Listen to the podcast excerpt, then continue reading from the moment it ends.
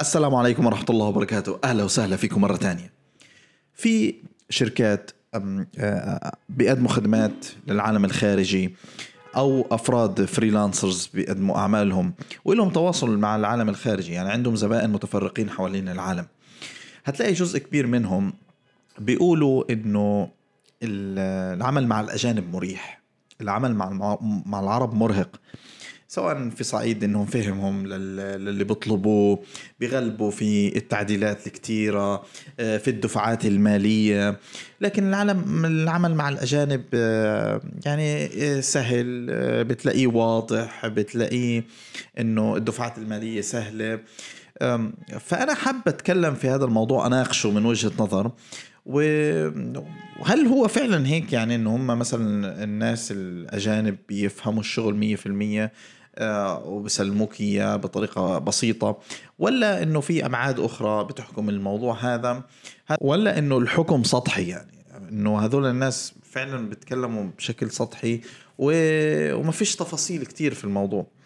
فأنا حابب أناقشه وأدردش فيه طبعا في وجهة نظر بالموضوع فخلينا نناقشه ونطرح الأسباب ونشوف ليش السبب اللي بيخلي الموضوع صعب.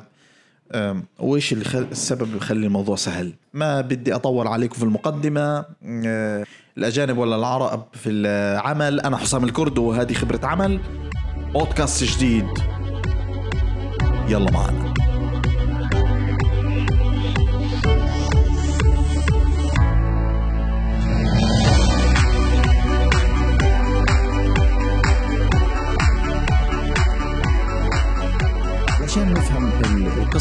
خلينا نبدأ من الموضوع أصلا. ليش الأجانب بيشتغلوا مع العرب مثلا؟ بالذات في الأونلاين يعني. ليش يعني شخص في أمريكا مثلا ممكن يشتغل مع شخص عربي من العالم العربي في فلسطين في مصر في الأردن في أماكن العربية المختلفة. ليش قرر يشتغل معك؟ وهو ما في أي رابطة يعني معينة. يعني ما فيش رابطة إنسانية عفوا ولا دينية ولا غيرها. بتخلي تخليه يستدعي إنه هو يشتغل معك. أكيد السبب الرئيسي اللي هو التكلفة. التكلفة هو العنصر الأساسي في قرار إنه هو يشتغل برا.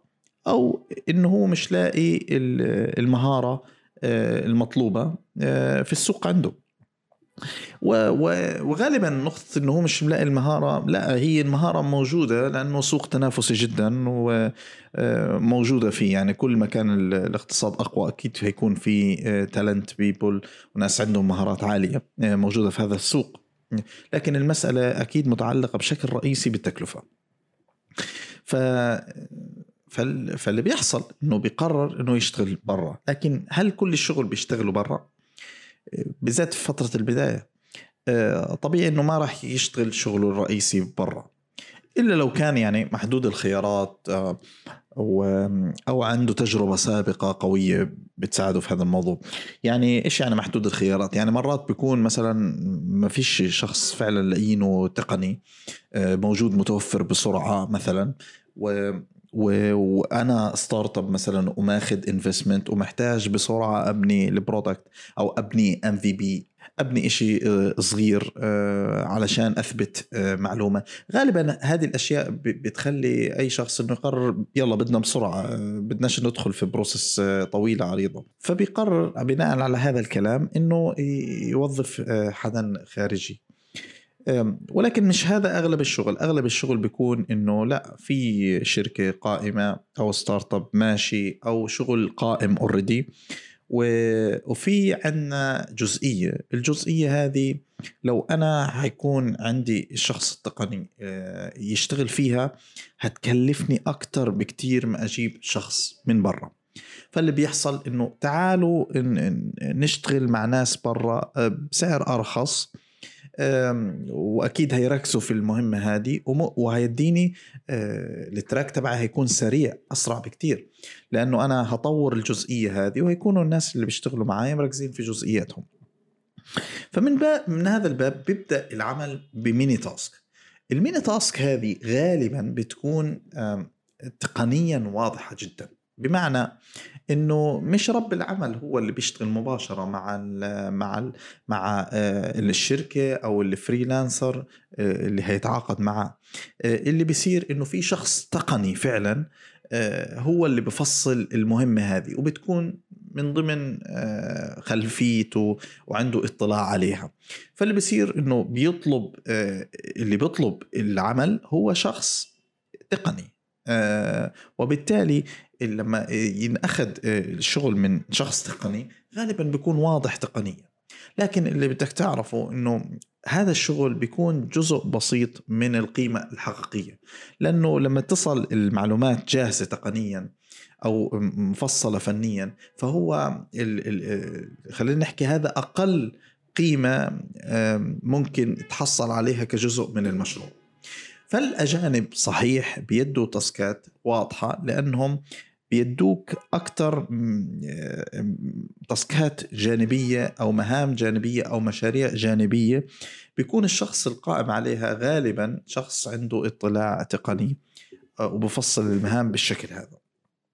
وبتصل آه، المهمة جاهزة ومفصلة وإلى آخره. بالإضافة لأنه طبعا لا مقارنة بين بين الاستثمارات اللي بتحصل في أي منتج أو أو أو خلينا نحكي شركة بالعالم العربي. وبالتالي في آه، مصاريف معرفة مسبقا آه، وفي إدارة واضحة وتقسيم للشركة واضح. بيتم على أساسه آه، إنه التصرف بالدفعات وبالتالي هتصير طبعا الدفعات أفضل. هذا جانب.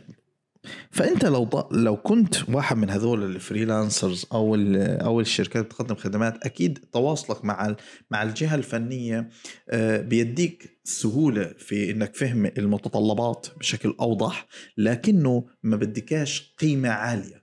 كمان شغلة أنا حابب أوضحها مش شرط يكون إنه هذا موظف في شركة يعني مش شرط يكون اللي بديك المهام هذه موظف في شركة. يعني واحد فني وبيديك المعلومات. لا ممكن تكون كل الشركة أصلا قائمة على هذه الفكرة. خلينا أضرب مثال يمكن أنا آه، مش موضحه بالكلام اللي حكيته سابقا. يعني مثال ذلك.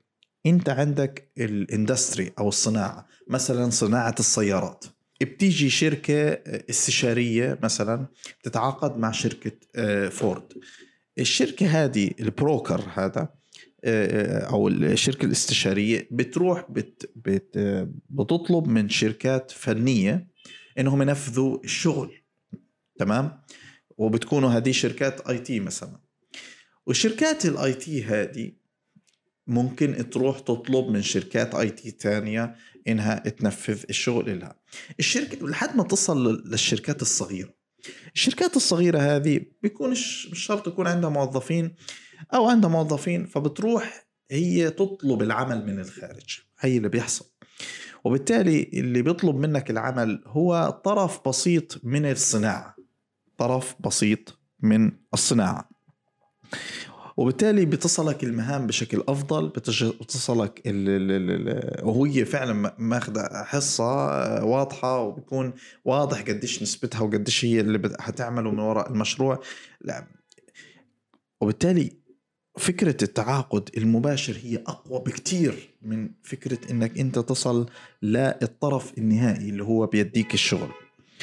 هذا بيكون طرف نهائي في الصناعة وبيكون التعاقد صحيح سهل في المتطلبات لكنه مش أعلى قيمة مش أعلى قيمة أبدا.